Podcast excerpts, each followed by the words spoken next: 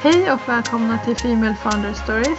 Idag har jag med en superpeppig tjej som heter Caroline Jansson och hon driver Caroline Jansson Styling. Eh, och vi satt här i inledningen innan jag började spela in och diskuterade om jag också skulle benämna henne influencer och vi kom väl inte riktigt fram till någonting utan hon ska få dra hela sin story. Så jag lämnar över till dig Caroline, vad är din story? Eh, ja, gud, ja, gud, var ska jag börja någonstans? Men eh, det är väl egentligen att eh, alltså, jag, driver mycket med, med Instagram och det var lite så som jag kunde starta Caroline Jansson Styling. Mm. Men hur allting började det är egentligen att Alltså från när jag var liten eller yngre, alltså 14-15 år, mm. så har jag varit väldigt bestämd på att jag ska driva eget. Och det är lite på grund av att eh, min pappa driver egna företag och jag kommer liksom från en familj där det är väldigt... Inte att man ska göra, absolut inte. Men att... Eh, alltså pappa gick ut skolan när han var 15. Då gick inte han i skolan mer. Och jag tror att...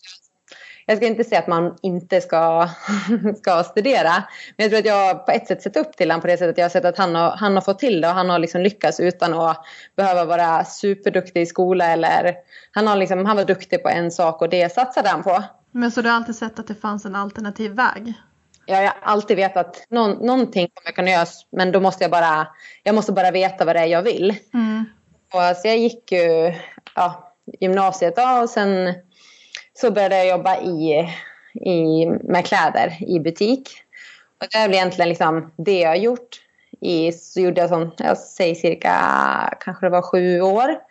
Jag flyttade från Mora där jag kommer ifrån och bodde i Nyköping ett tag och sen också i Karlstad. Och sen från Karlstad så flyttade jag hem till, till Mora igen en vända. Och då började jag jobba åt min pappa då in med marknadsföring och bokföring. Bara för att då tänkte jag att nej, jag kanske vill liksom ta över efter honom och gå den vägen. Mm. Men så jobbade jag där ett år och så såg jag liksom, nej, vet du, det här med fastigheter, det, där, det är inte min grej. Det är inte det jag kommer att, kommer att vilja göra. Så eh, gick jag tillbaka till, det med kläder och eh, jobbade det några år och sen så 2013 så flyttade jag hit till Oslo då. Och då fick jag möjligheten att jobba som merchandiser, vilket jag alltid har velat gjort. Men då kom hindret att jag var tvungen att studera och jag hade inte lust att göra det. Jag hade inte lust att få på mig massa lån och från att gå liksom och jobba heltid och tjäna pengar till att börja studera. Det var liksom så här, nej, det, det är jag inte riktigt lust till. Så eh, fick jag liksom den här möjligheten här och tänkte så här, ja, nej, men jag, jag chansar, jag flyttar dit och så, och så testar jag liksom, jag kan, jag kan jobba med det i två år där och så, och så flyttar jag tillbaka till Sverige och så kan jag starta eget företag. Men då var jag fortfarande liksom att jag inte visste riktigt vad jag ville.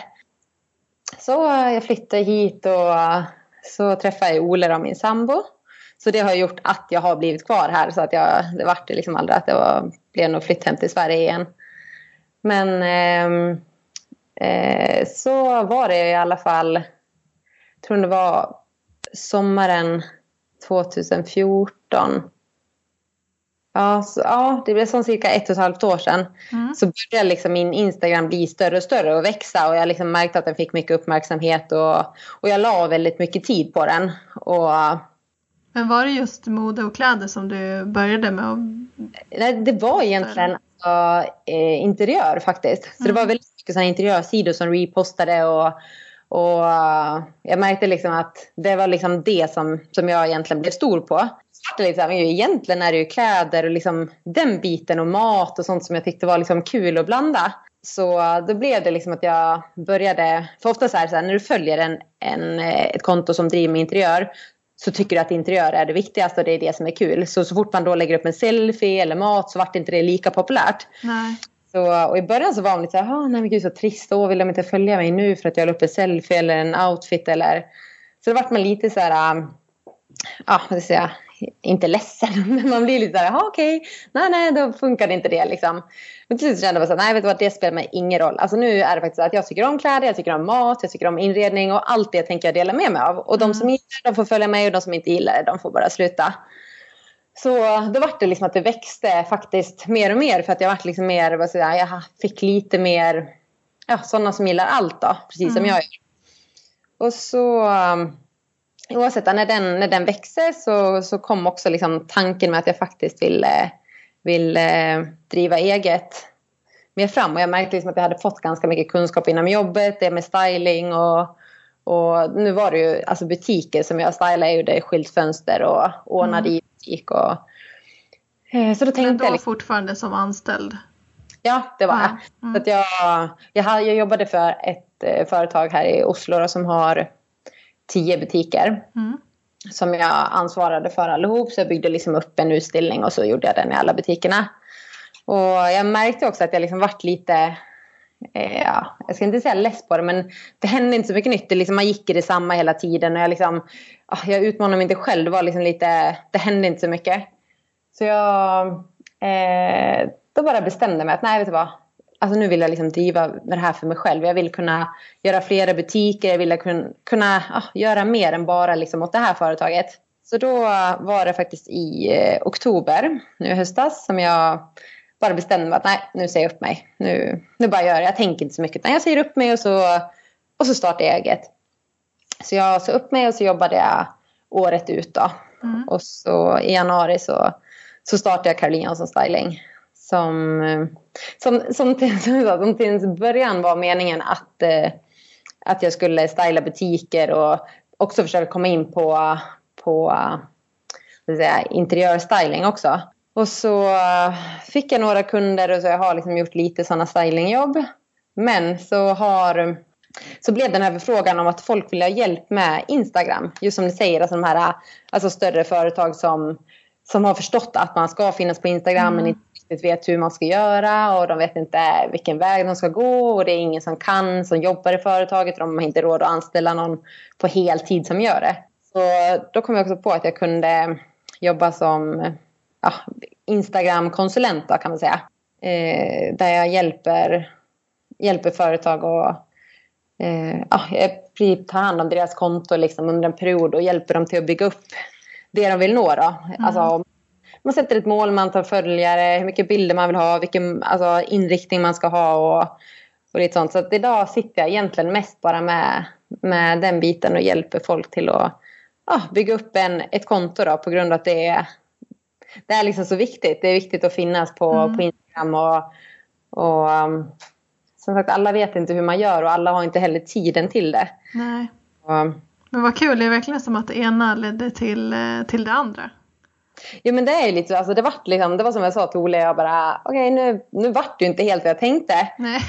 det var, men det blev ändå någonting som, som är något, för så här, jag sitter egentligen utan all, eller så här, jag har, man har ingen utbildning i hur man ska driva ett Instagramkonto. Men jag har liksom all den erfarenheten från hur jag byggde upp mitt eget. Mm. Och jag vet vad som krävs, jag vet att det, det är inte bara oj, där fick jag liksom 20 000 följare. Utan det, är, det kostar liksom tid och det är det kostar alltså väldigt mycket energi också till att sitta och, och göra vad ska man säga, rätt saker för mm. att lyckas. Så uh, det är väldigt kul att få hjälpa, framförallt att få hjälpa andra företag till och, och, och verkligen få lyckas där också. Och framförallt att få synas och få öka deras, deras marknadsvärde. Då. Mm. Men när, om vi backar lite bandet bara, när, när började du med Instagram och märkte liksom att du kunde få fler följare mer än de än dina närmsta vänner? Liksom, när, när omsatte du det till någonting som, som du faktiskt la väldigt mycket tid på? Eh, ja, men det var nog egentligen ett år sedan. Mm. Ja, lite, ja, lite, mer än ett år sedan kanske. Så, som, det, som det började liksom bli fart och jag märkte att det var... Jag fick väldigt mycket mail och frågor både från alltså, sådana som ville samarbeta och folk som frågade väldigt mycket hur jag gjorde och hur jag gick tillväga. Och det, var liksom, det var då jag började märka att, det, att jag kan bygga upp någonting av det. Och framförallt så tog jag all den erfarenheten från hur jag faktiskt hade byggt upp det. Ja. Som jag nu kan hjälpa och, och föra vidare till, till andra. Ja, det, var, nej, det var nog egentligen sån ett år sedan. Mm. Men det här med att du bara sa upp dig, var, var du nervös inför det eller var det bara så här, nej nu kör jag? Eh, nej, alltså, nej, jag var inte nervös, det var jag inte. Alltså, mm det är klart att det liksom, att man tänker från att liksom gå från en ja, fast och trygg och bra lön till att bara kasta sig ut ingenting och inte veta vad man liksom får in nästa månad. Mm. Det, det, att när, när jag låg och tänkte på det på kvällen så kunde jag bli lite så här, shit vad jag har gjort. Ja. Men så var jag väldigt så här det här vill jag. Och det är ännu mer motiverande att veta att alltså, jag själv tar ansvar för hur mycket pengar jag får in varje månad. Jag själv tar ansvar för att se till så att jag klarar mig och, mm. och kan göra det jag vill göra. Och, och framförallt så får den här det här livet som, som jag faktiskt har tänkt att jag vill ha. Jag vill kunna driva med någonting som jag, som jag älskar att göra och som jag tycker är kul. Och, och där jag kan välja liksom själv vart jag ska vara och när jag ska vara plats. Liksom. Första steget, hade du pratat med din gamla arbetsgivare och försökt få dem som kunder? Ja, alltså jag, jag tog det i samband med att jag, när jag sa upp mig. Mm. Så, så sa jag faktiskt också att i och med att jag säger upp mig och att de kommer att stå utan en merchandiser för att de inte ska behöva och, och hitta en ny och alltså, så vill jag gärna fortsätta liksom jobba för dem men, mm. men då frilansa. Så det, jag har gjort jobb för dem och kommer att fortsätta göra det nu tills, ja, tills vidare. Jag ja. hoppas ju så de, vill, att de vill använda mig så länge som möjligt. Så, men sen om de vill, vill anställa en ny så är det, så är såklart det är helt okej. Okay. Mm. Men eh, det, kom, det, det hade jag inte sagt någonting för utan det sa jag bara under, under stunden när jag sa upp mig. Mm. Så det var inte någon sån här plan du hade innan? Eh, nej, alltså jag hade ju tänkt att, att jag kunde göra jobb för dem. Men, mm. eh, så det hade jag ju tänkt såklart att, att jag kunde göra. Men så visste jag inte vad de, vad de ville heller. Om de ville ha en som var i, i firman redan eller om de, de ville ha en som var utifrån. Så det, så det visste jag inte. Men jag hade ju såklart tänkt och önskat att de ville använda mig. Så, så det är jag bara jätteglad för att de gör. Men nu blev ju ditt företag, nu tog det en helt liksom annan riktning när du, när du hjälpte andra företag med Instagram. Men första tiden när du tänkte köra mer styling, hade du någon plan för hur du skulle få in kunder eller någon strategi för hur du skulle nå ut eller använde du framförallt Instagram även då för att, för att synas? Eh, ja, alltså det var ju, jag kunde ju använda Instagram på så sätt att det, det, visade ganska mycket vem jag var och vad jag stod för och vad jag liksom hade ja, stylat hemma och jag la upp lite så jobb också ibland. Men eh, jag fick ju starta en hemsida där jag kunde lägga upp ja, alltså vad jag hade att erbjuda. Och, men då, och så gick jag tillväga så att jag, alltså jag satt och skickade ut mail och jag kontaktade mäklare och, och, och gick den biten liksom för att för att få in en fot. Så det var liksom bara egentligen att bara sälja in sig själv och försöka få, få folk till att vilja använda en. Mm. Så traditionellt eh, sälj? ja, verkligen. Det var det. Har du tyckt att det var svårt? Eh, alltså både och. Jag tror att när jag var yngre så tyckte jag nog att det var lättare för då var jag liksom inte lika... Nu märker jag att jag är lite så försiktig för jag vet att det gäller väldigt mycket. Mm. Så, um, eller jag tänker mig mer för på kanske vad jag säger och hur jag uttrycker mig och, och sådana saker. Och det, um, det, det är lite svårt för det var ett så känner man sig tjatig också när man ska ställa in sig. Alltså jag vet ju själv när jag jobbar med inköp och allt att det värsta som finns är säljare som bara tjatar och tjatar och tjatar. Mm. Så, så, det är liksom så här, och jag är lite sådär, oh, jag, vill inte, jag vill inte uppleva som sån utan jag vill hellre bara, som nu när jag säljer in den här Instagram-grejen så är det ju såklart så, så som jag sa så säljer jag in den för det är ju en idé och det är ju någonting som jag tycker att man behöver. Mm. Och, men att få liksom kunden till att faktiskt förstå att det är det är egentligen de som jag gör en tjänst. För det är, jag hjälper dem en bit på vägen dit de egentligen borde vara som de inte kanske har, har tagit tag i tidigare. Så att ha liksom inställningen att man vet att man, att man gör kunden mer en tjänst istället för att känna att man är tjatig så, så blir det mycket lättare. Men ehm, Ja, det kan vara jobbigt om man inte har fått svar och man har, man har ringt som fem, sex gånger och så får man inget svar och så vet man att okej, okay, nu ska jag försöka ringa igen. Ja. Då får man lite sån här, åh, uff, alltså det här är inte det bästa. Men, Men gör du någonting aktivt för att jobba så med ditt mindset och så i vardagen? Att motivera dig själv när det är just de där lite tyngre bitarna? Eh, ja, jag hade nog kunnat gjort mer. Det mm. hade jag gjort. Alltså, eh, med att sitta och jobba med. med. Men jag är så väldigt så här, beroende på framförallt väder. Är det dåligt väder då kan jag bara då märker jag att då är det jättesvårt att få igång motivationen om det står lite still. Ja, men då vill inte du gå till jobbet längre? nej, nej, då är det lite såhär Åh oh, gud, då har jag inte lust att göra någonting. Men, eh, men så är det liksom dagar när det är alltså, fint väder och märker och du vet att, att det spritter i kroppen. Mm. Då, då får jag istället dubbelt så mycket gjort. Så att det är, eh, men Nej, jag vet inte. Jag har faktiskt ingenting så riktigt som, ja, som jag tänker på som, som motiverar mig så alltså, i vardagen annars. Eller som jag peppar själv med. Det är mer bara att jag, alltså jag är så bestämd på att jag ska lyckas och att det ska, att det ska gå bra. Det är, det är, liksom, det är det enda tanke och målet som jag har. Men jag tänker vi, du pratade om att du har nästan vetat att du ska vara egen sedan du var 14-15. Men har, har du något tydligt varför du ska vara entreprenör? Eh, ja, men jag tror att det har varit... Jag har liksom velat...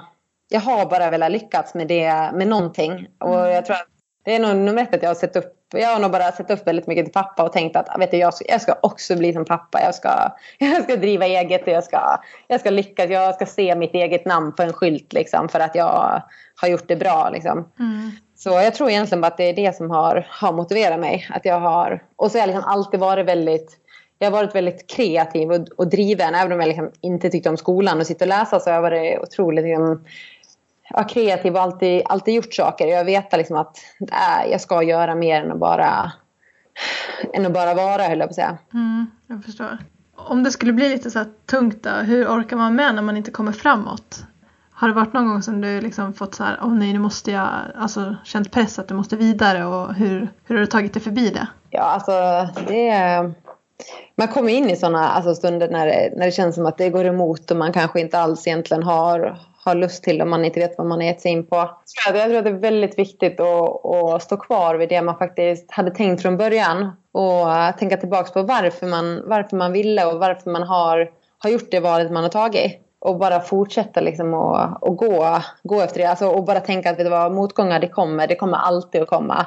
Det går liksom inte alltid på, på en räls utan motgångar möter man och så får man bara tänka att okej, okay, när jag har tagit mig förbi den här motgången så, så kommer det troligtvis att lätta och så får jag en medgång med mig istället. Mm. Så där, alltså när jag får motgångar och när jag får dåliga dagar så försöker jag bara tänka att okej, okay, det är så här det är. Ibland så, så går det bara dåligt och ibland, det var som jag, jag fick ett, ett kontrakt, eller vi, vi hade avtalat egentligen bara muntligt.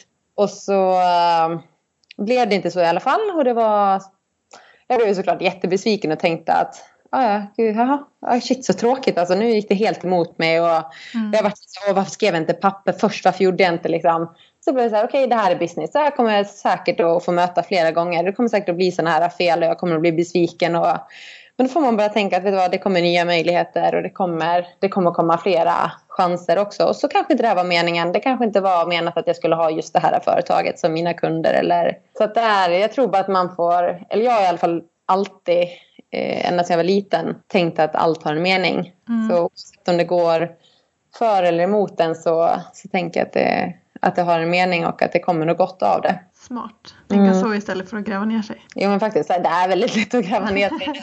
Men jag vet också så här, eh, alltså jag har inte, jag mår inget bättre av att jag gräver ner mig och det blir inget bättre och det är liksom Nej. så att, eh, det har, alltså jag tror att det har, det har jag gjort så många gånger också. Det är liksom, det är ingenting som fungerar. Så jag tror det bara att tänka att okej, okay, det var en dålig dag och det var, det var en motgång men, men det blir bättre liksom.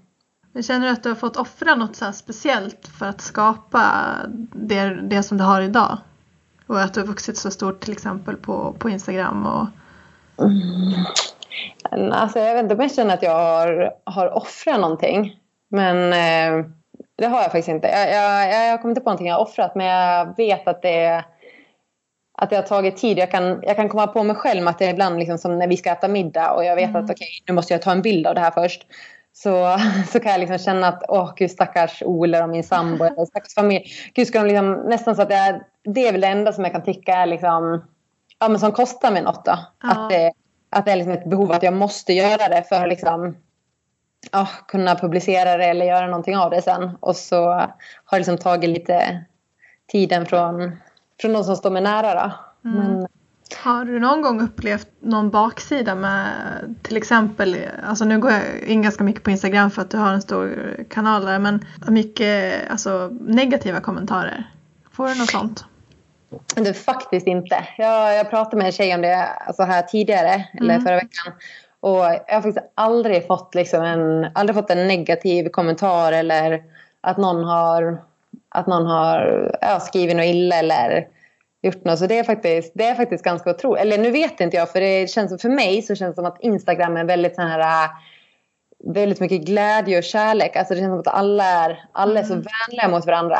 Så, så jag har svårt att se liksom att Men jag, jag vet att det pågår, att det finns mycket, framförallt bland yngre, alltså mycket att sociala medier är en helt perfekt punkt till att mobba och, och uttrycka sig alltså elakt. Men, eh, men jag har faktiskt aldrig, aldrig blivit bemött på, på något dåligt sätt på Instagram. Det har jag inte. Vad skönt. Ja, ja, ja det. jag tror att det är lite Ja, så det, mm, ja, man får det man ger också. Då, så. Men eh, om man går tillbaka till, till företaget, hur ser det till att du liksom håller dig ajour och hela tiden utvecklas? Alltså för jag tänker till exempel bara det att du hittade på den här, det här nya erbjudandet att du faktiskt kan hjälpa företag också med Instagram och inte bara med styling. Blir det bara så att du kommer på de här idéerna eller, eller hur gör du för att liksom stay on top hela tiden? Eh, ja, alltså jag tror att det alltså nu när det här andra delen kom med, med om du tänker på alltså företaget och den Instagram-konsulentbiten. Mm. Ja, precis. Instagram-konsulenten.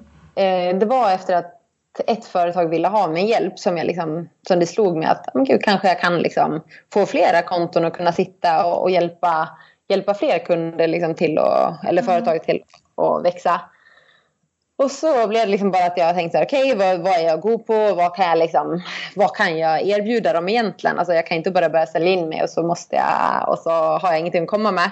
Och då använde jag mycket av min alltså privata till att liksom visa vad jag hade byggt upp och att i och med all, alla de följarna jag fått, de har inte kommit gratis utan det är liksom att jag har, alltså jag har använt rätt taggar, jag har taggat i rätt, jag har lagt upp på rätt tidpunkt, jag har mm. suttit och likat, jag har kommenterat och, och, bara fått dem till att förstå att allting tar tid.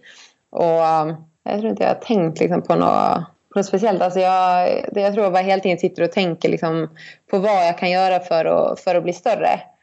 Jag har liksom mål, alltså jag vill liksom kunna driva ännu mer med liksom stylingbiten i av butiker också. Och jag önskar att jag en dag kanske kan sitta, att man har ett stort kontor där man har flera anställda som, som kan sitta som Instagram-konsulenter och hjälpa företag för att inte alla företag ska behöva anställa en. Och, mm. Så jag, har liksom, jag har ju drömmar och mål alltså, som, jag vill, som jag vill ska bli verklighet. Så att det, där var, först så måste jag liksom se till att själv kunna, kunna omsätta så, ja, så att jag så jag klarar mig och så att jag kan bygga, bygga vidare och få, få ett större, större företag också. Mm.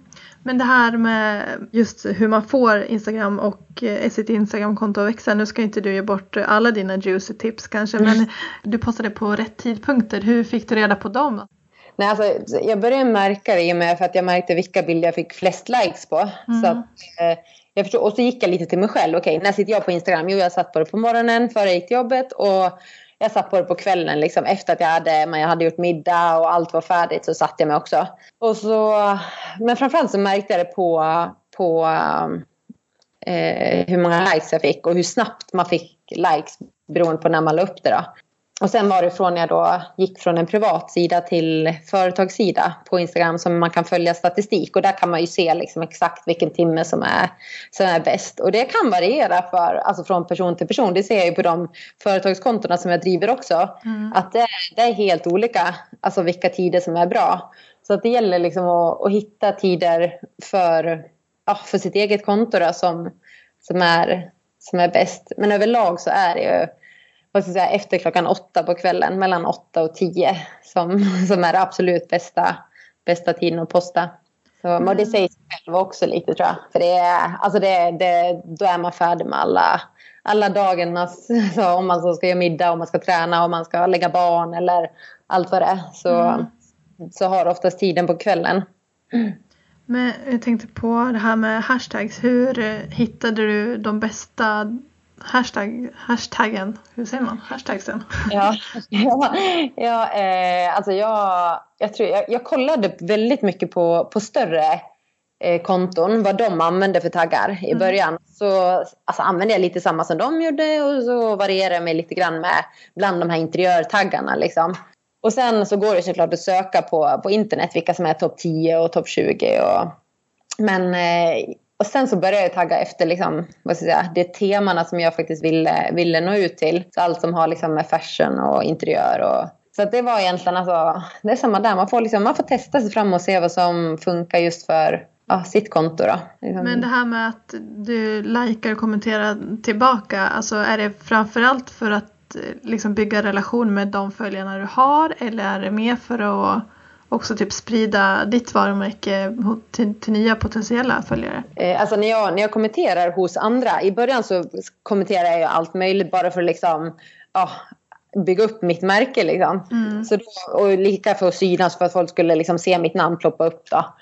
Men eh, och sen alltså idag när jag kommenterar så kommenterar jag mest de som jag följer. Mm. Eh, och eh, så är jag väldigt noga med alltså när, när folk kommenterar på mina bilder så vill jag gärna liksom ge Alltså jag kommenterar inte tillbaka till tio stycken samma mening utan jag kommenterar faktiskt oftast alltså personligen till var och en. Och det är mm. mest jag vill. Jag vill att alla, alltså jag tycker att gud de har tagit sig tid att liksom kommentera och gilla min bild. Då vill jag ge dem tiden tillbaka och visa att de är, är minst lika speciella. Så, mm. så det är mest bara för liksom, ah, jag, jag, vill, jag vill nog bara ge, ge, ge kärleken tillbaka som jag tycker att de ger mig. Och så vet jag att det, man bygger relationer och det är det, det är viktigt det också. För det är ändå som jag sa, alltså Instagram är en stor både mötespunkt och eh, arbetsmässigt också. Så eh, det är viktigt att ha goda relationer och, och, och, ta vara på det. Tror du att det varit viktigt att bygga liksom ett personligt eh, varumärke runt, runt dig? För jag tänker till exempel din Instagram är ju ditt namn. Mm. Eh, och inte liksom ditt företagsnamn. Nu var det ju för sig för att du, du började ju inte med företaget på en gång utan det kom ju sen. Men, men tror du liksom att det har hjälpt att du byggt ditt personliga varumärke också? Eh, ja, det, det har ju. Det har, det har hjälpt väldigt mycket alltså med, med Instagram och, och säga, om du tänker liksom den privata delen. Ja, eller att det, att det har blivit mer personligt, att de vet att det är en en riktig person där bakom och inte bara liksom en, ett, en snygg, eh. snygg logga eller något sånt där. Ja, nej, alltså det, det tror jag. Och det är som du sa, det är på grund av att alltså, mitt Instagramkonto växte ju före jag startade företaget. Mm. Så därför har det liksom, men det är därför jag också tänkt att alltså, när mitt Instagramkonto växte och folk har liksom, jag har gjort mig ett namn alltså som Caroline Jansson. Så var det lättare för mig också att starta ett företag som hette då Caroline Jansson Styling. Alltså där, där jag fick med mitt namn, för det är ju det som är mitt varumärke. Mm. Så um, så det har, absolut alltså hjälpt mig till att, hjälpt mig till att, eh, ja, till att kunna säga, bygga upp ja, mitt namn och, och, och driva vidare med det. Jobbar du något mer med sociala medier förutom Instagram? Eh, nej, jag är, jag är, väldigt dålig på, på Facebook. Det är, jag är mm. otroligt dålig på det. Och uh, Sen är det bara att jag har, jag har börjat blogga och det gjorde jag bara för några månader sedan på grund av att det var så stor förfrågan. Det var väldigt många som, som frågade om jag, om jag inte kunde börja blogga. Och, och jag har ju såklart haft en tanke på det. Eh, också på grund av liksom, ja, vad ska jag säga, eh, märken som jag är ambassadör för och som jag representerar så vill jag liksom kunna ge dem mer space än bara en bild på Instagram. Men var det de som efterfrågade en blogg eller var det dina följare? Nej, det var mina följare. Ja. Det, alltså, jag, jag samarbetar med väldigt bra märken. Alltså, de ställer liksom inga krav och det är inget, Och då blir det mycket, mycket mer roligt att kunna samarbeta också när man vet att man inte har några krav på sig utan man kan faktiskt göra det precis så som man vill. Mm. Men eh, det var på grund av följarna som, som jag eller det var det som gjorde mest då, att jag, att jag önskade starta en blogg. Alltså för att det var, var så väldigt många som frågade. Och, och från min sida också så är det väldigt mycket som jag vill, som jag vill dela med mig och ibland kanske skriva mer om. Och, så att då tänkte jag bara att det var helt, helt perfekt att få, få starta en blogg också. Mm. Mm. Vad är ditt eh, bästa tips om man ska lyckas som entreprenör? Ja, det är att tro på sig själv. Det, det är nummer ett och, och alltid höll jag på att säga. Mm. Det är, eh, jag tror att den har återkommit i alla mina poddar hittills i alla fall. ja, men alltså, det är så viktigt för det är det är så lätt att falla ut och tro att man inte är bra nog eller du jämför dig och du ser liksom hur alla andra lyckas och så tänker du oftast att nej men, nej, men då lyckas inte jag, hon gör det så mycket bättre och alltså och då mister du oftast lite liksom tron på dig själv. Mm. Och det ska man inte göra utan det är, alltså, nej, det är verkligen att tro på sig själv och, och som jag sa, alltså, hitta det du, liksom, det du är duktig på och som du brinner för. För då blir det så mycket lättare också till att faktiskt ge 110 procent. Mm. Alltså, som jag sa, jag har alltid varit så här, ja, men gud, jag, jag vill driva eget. Liksom. Och, och som jag sa, att ja, men jag kan ta över efter pappa, då, då kommer jag driva mitt eget. Men så var det så här, ja, men det är inte det jag tycker är kul. Mm. Och då kan jag aldrig gå in för det. Så um, det är väldigt viktigt att, att veta vad man, vad man faktiskt brinner för och, och tro på sig själv i det man gör. Så... Hur, eh, hur tror man på sig själv? Alltså, vad gör du för att eh, liksom motiv ja, motivera dig själv har vi redan pratat om men hur, hur gör du för att inte liksom, jämföra dig med andra? Och... Mm. Det är nog bara, alltså jämför man, det, det märker att jag, även om man säger att nej men jag jämför mig inte med andra så det gör man. Eller så här, det motiverar mig mer att se mm. att andra får till det för då då, alltså det inspirerar mig också till att få till det. Mm. Alltså, det, det, är väl en motivation i sig, alltså faktiskt att se att, att andra lyckas och då vet jag att okej, okay, har andra möjligheten så har jag också den. Men eh, jag tror mest att jag bara försöker motivera mig genom att, genom att vara väldigt alltså, inställd på det, det jag har bestämt mig för. Och det motiverar mig till att liksom bygga upp en, en egen framtid och som jag har liksom alla de drömmar som jag har då, så vill mm. jag så motivera mig till att faktiskt kunna lyckas med det. Men det kanske är det där du, att vi kommer tillbaka till vad det, att ditt varför var så himla tydligt. Mm, att du vet ja. varför du vill, vill mm. lyckas liksom. Mm, hur ser en vanlig dag ut för dig när du jobbar på Caroline Jansson Styling? En solig dag då så att du är pepp? Ja, en solig dag. Det då, alltså då ska jag börja komma till att faktiskt ut och gå på morgonen igen. För det gjorde jag alltid förr och det ger väldigt mycket energi. Och jag får liksom, mm. Då känner jag att jag har gjort liksom en bra start.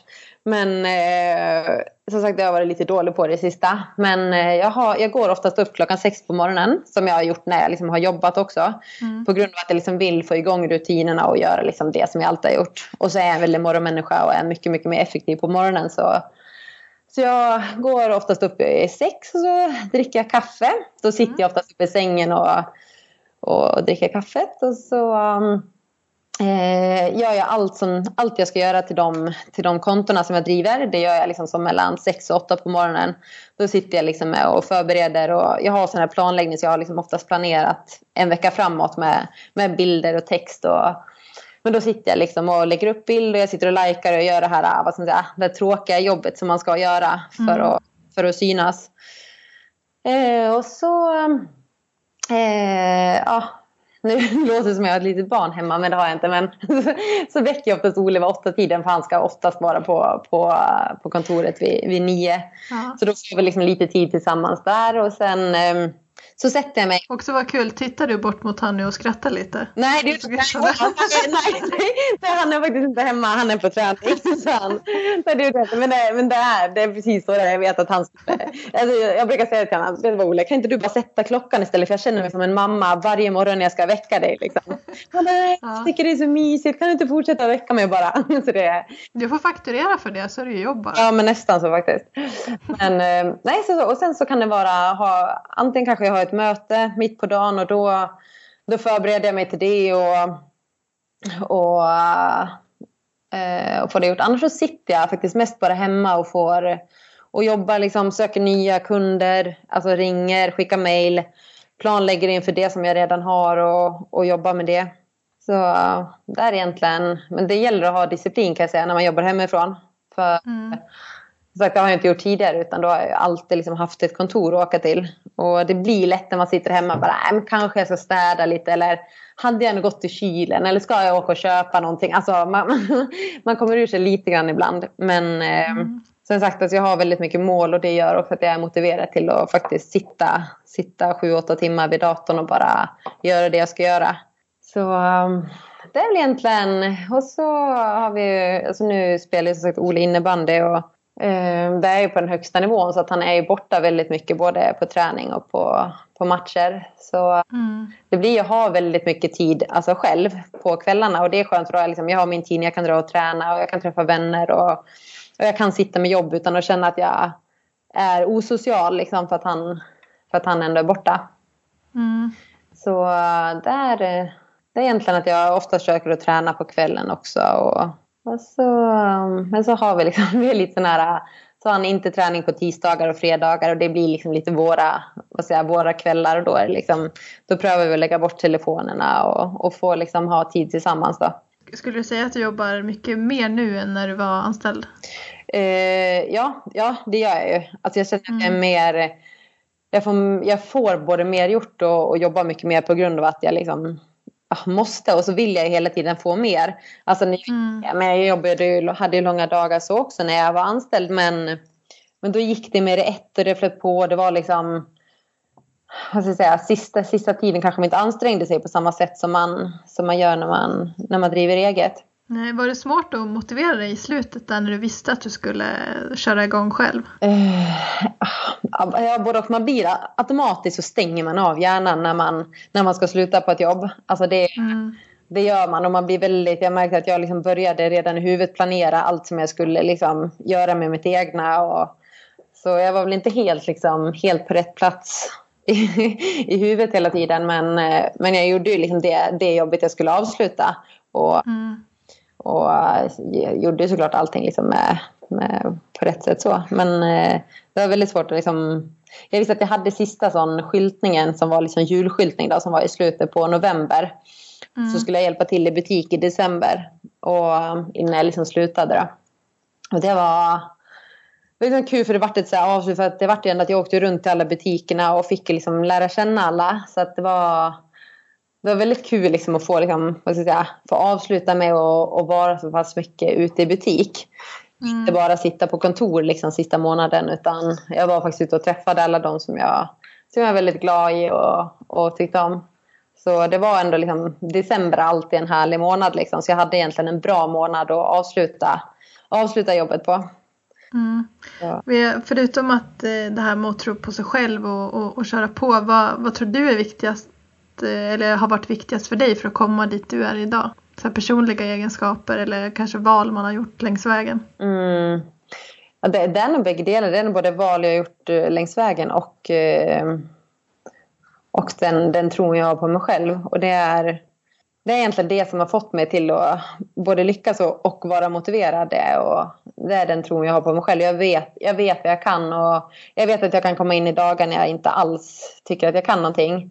Men mm. i grund och botten så vet jag vad jag kan. Och det är det som har gjort liksom att, jag, att jag har fått till det och att jag kommer att få till ännu mer. Så, och, det, och så gäller det att vara lite egoistisk också. Och det, där tror jag jag, det är väl det som jag har mest svårt för. Att liksom vara egoistisk och, och vad ska jag säga, ja, men lyfta sig själv. För det är det det handlar om. Mm. Du, måste liksom, du måste våga köra över en del och du måste våga ta plats. Och, och den biten. Det är liksom, och där är jag kanske lite obekväm så det får jag, liksom, det får jag bara jobba med. Men, eh, men eh, jag tror mest att det är och så är det val och, och framförallt misstag man har gjort tidigare i livet och alltså karriären som har gjort att man också, ja i alla fall jag har kommit dit, dit jag är idag. Alltså både på gott och ont hade jag inte, hade jag inte gjort och allt och tagit de valen som jag, som jag hade gjort tidigare så hade jag, hade jag inte stått här heller. Är det något som du tyckte var ett misstag eh, förut som du idag kan se var, din, var det bästa som kunde hända för att ta dig dit du är idag? Mm. Ja, det, det, var, det var nog faktiskt när, när jag bodde i Sverige före jag flyttade hit. Så var jag lite i samma situation. Eller det var inte så att jag ville liksom starta eget. Men jag var otroligt less på jobbet. Jag var, jag var så less att det var liksom, när jag skulle gå på jobbet på morgonen så var jag så här, jag, jag hade inte lust. Jag var liksom jag ville inte. Det, var, det tog emot så otroligt mycket. Mm. Så vet att jag hade liksom jobbat där i fem år men jag hade inget kontrakt. Och så frågade jag då pappa, Gud, pappa vad är det som gäller liksom, när man inte har kontrakt? Alltså hur lång uppsägning är det? Och, var liksom... och då sa han bara till mig, för han är väldigt liksom stenhård. Han bara, du Caroline, man säger aldrig upp sig utan att ha ett nytt jobb och det gäller även dig. Och jag tänkte mm. så här, okej, okay, då kommer jag göra pappa besviken för jag tänker se upp mig. Liksom. Men så vet jag att jag sa ingenting till honom och så gick det två dagar och så ringde jag till honom och så sa jag bara att vet du vad pappa jag har sagt upp mig. Han bara ja okej, okay. ja nej men så bra då. Du ska göra det du vill liksom. Och så var jag så här, ja men shit vad vill jag då? Jag vet ju inte vad jag vill. Alltså, då fick jag helt... Du visste bara att du inte ville vara där? Nej jag visste bara att gud, jag måste, det måste ske en förändring. Jag måste liksom göra mm. någonting annat. Och, så, och det här var liksom på våren så jag liksom hade hela sommaren fri och tänkte liksom att okej, okay, men jag tar sommaren på mig och tänker liksom vad jag vill och ja, vad jag ska göra liksom. Och jag, alltså, vissa dagar var jag helt, kände mig jättevilsen och visste inte alls vad jag, vad jag hade gjort. Och jag tänkte så här, herregud att jag såg upp mig. Liksom. Jag såg upp mig från ett bra jobb, nu har jag ingenting. Och så började jag få liksom lite så panik då när, när, eh, när sommaren började ta slut. Jag insåg att okay, shit, nu måste jag ha ett jobb. Alltså, nu måste jag göra någonting. Mm. Och eh, då, det var ju faktiskt då som den här möjligheten här i, i Norge kom. Och då insåg jag liksom att alltså allt det, att jag hade sagt upp mig, att jag faktiskt hade slutat och att jag hade fått lite tid att tänka hade lett mig till att jag fick den här möjligen. Så att, mm. eh, i efterhand så, så, var det, så var det ändå bra. För hade jag inte flyttat hit och fått det här jobbet så, så hade jag absolut inte heller stått här.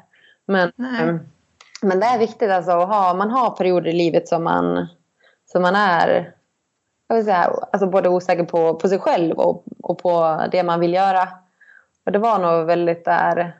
Men så tror jag också att det var så här, som, jag, som jag brukar säga till många när, när man säger att man är less på jobbet och jag har bara lust att vara hemma. Så alltså jag jobbar heltid sedan jag var 19 år och är 32 mm. idag.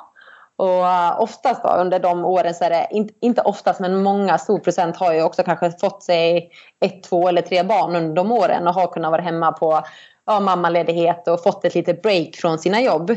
Vilket jag aldrig fick för att jag har liksom inte skaffat några barn än och då har, det liksom, då har det bara alltså, rullat på ett hela tiden. Jag har inte liksom fått känna det här att jag har fått eh, en paus från jobb och från, från det livet. Utan det har Nej. bara rullat på. Varje dag har varit jobb. Och, så jag tror också att, eh, att jag alltså den där sommaren behövde, behövde de månaderna till att faktiskt få bara vara. Samtidigt som det också var, var lite ångest och lite stress också över att ha, ha sagt upp sig och inte veta vad man skulle göra.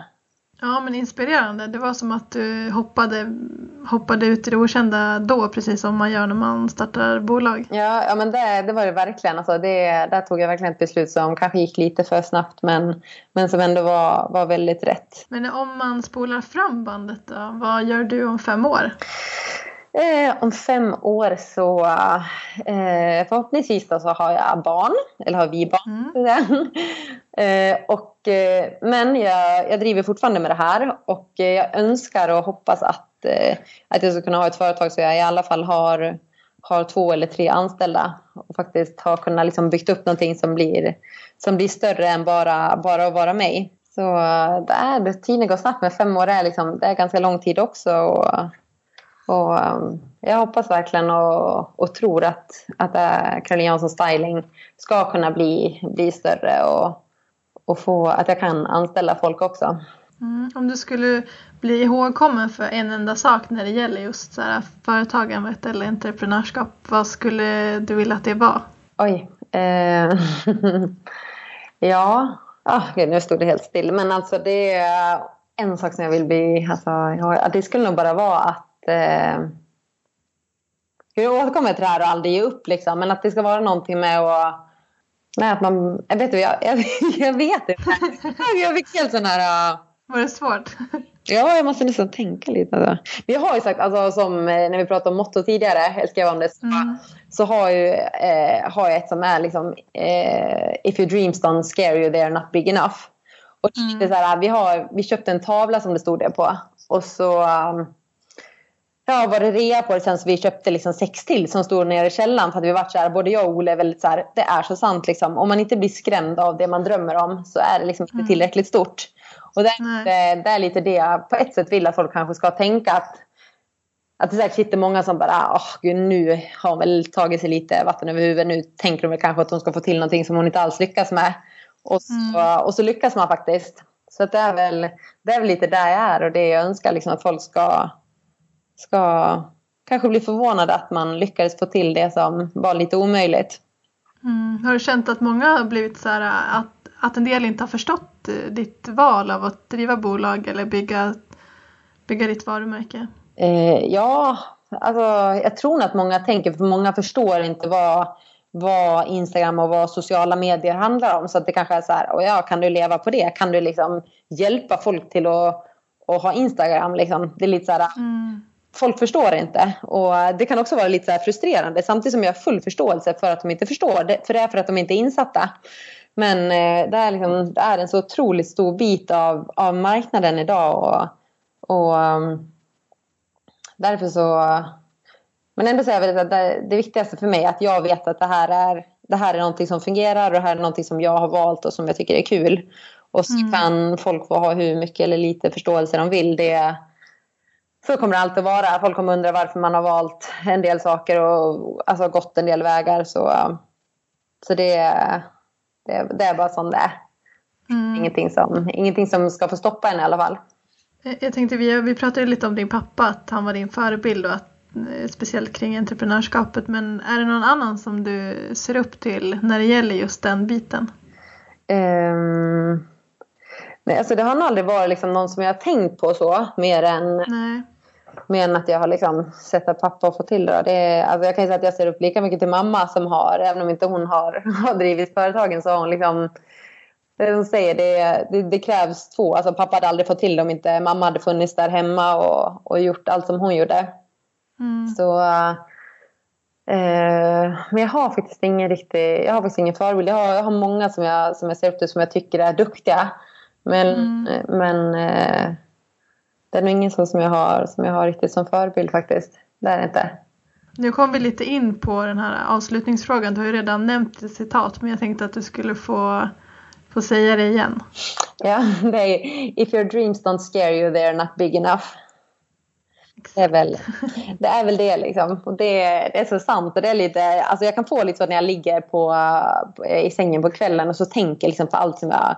Alltså jag svävar iväg och så drömmer jag så tänker jag okej okay, så och så ska jag och ska jag lyckas så och så ska, och så ska det hända. Och så blir jag så här, herregud vad är det jag tänker liksom. Och så blir jag så här, nej men det, jag ska ju tänka så här för det, jag ska få till det liksom.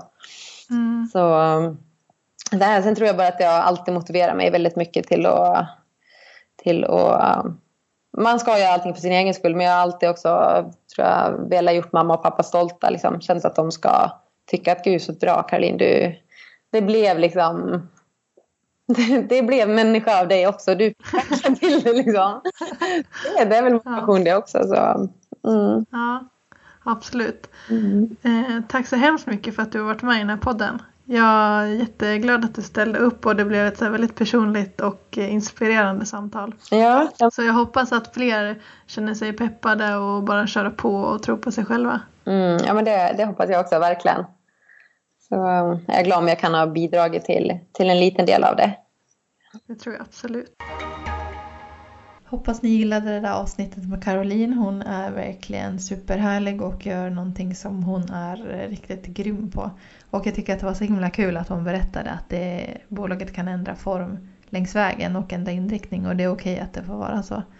Numera så kommer podden komma ut varannan tisdag och nästa avsnitt då kommer vi få träffa Anja Forsnor och Iman Malmberg. De är eh, två tjejer som driver jättemycket projekt främst inom livsstil och hälsa, bland annat kokböcker och bloggar på L och jättemycket coola saker. Men de kommer bland annat berätta om sitt gemensamma bolag Grounded Factory.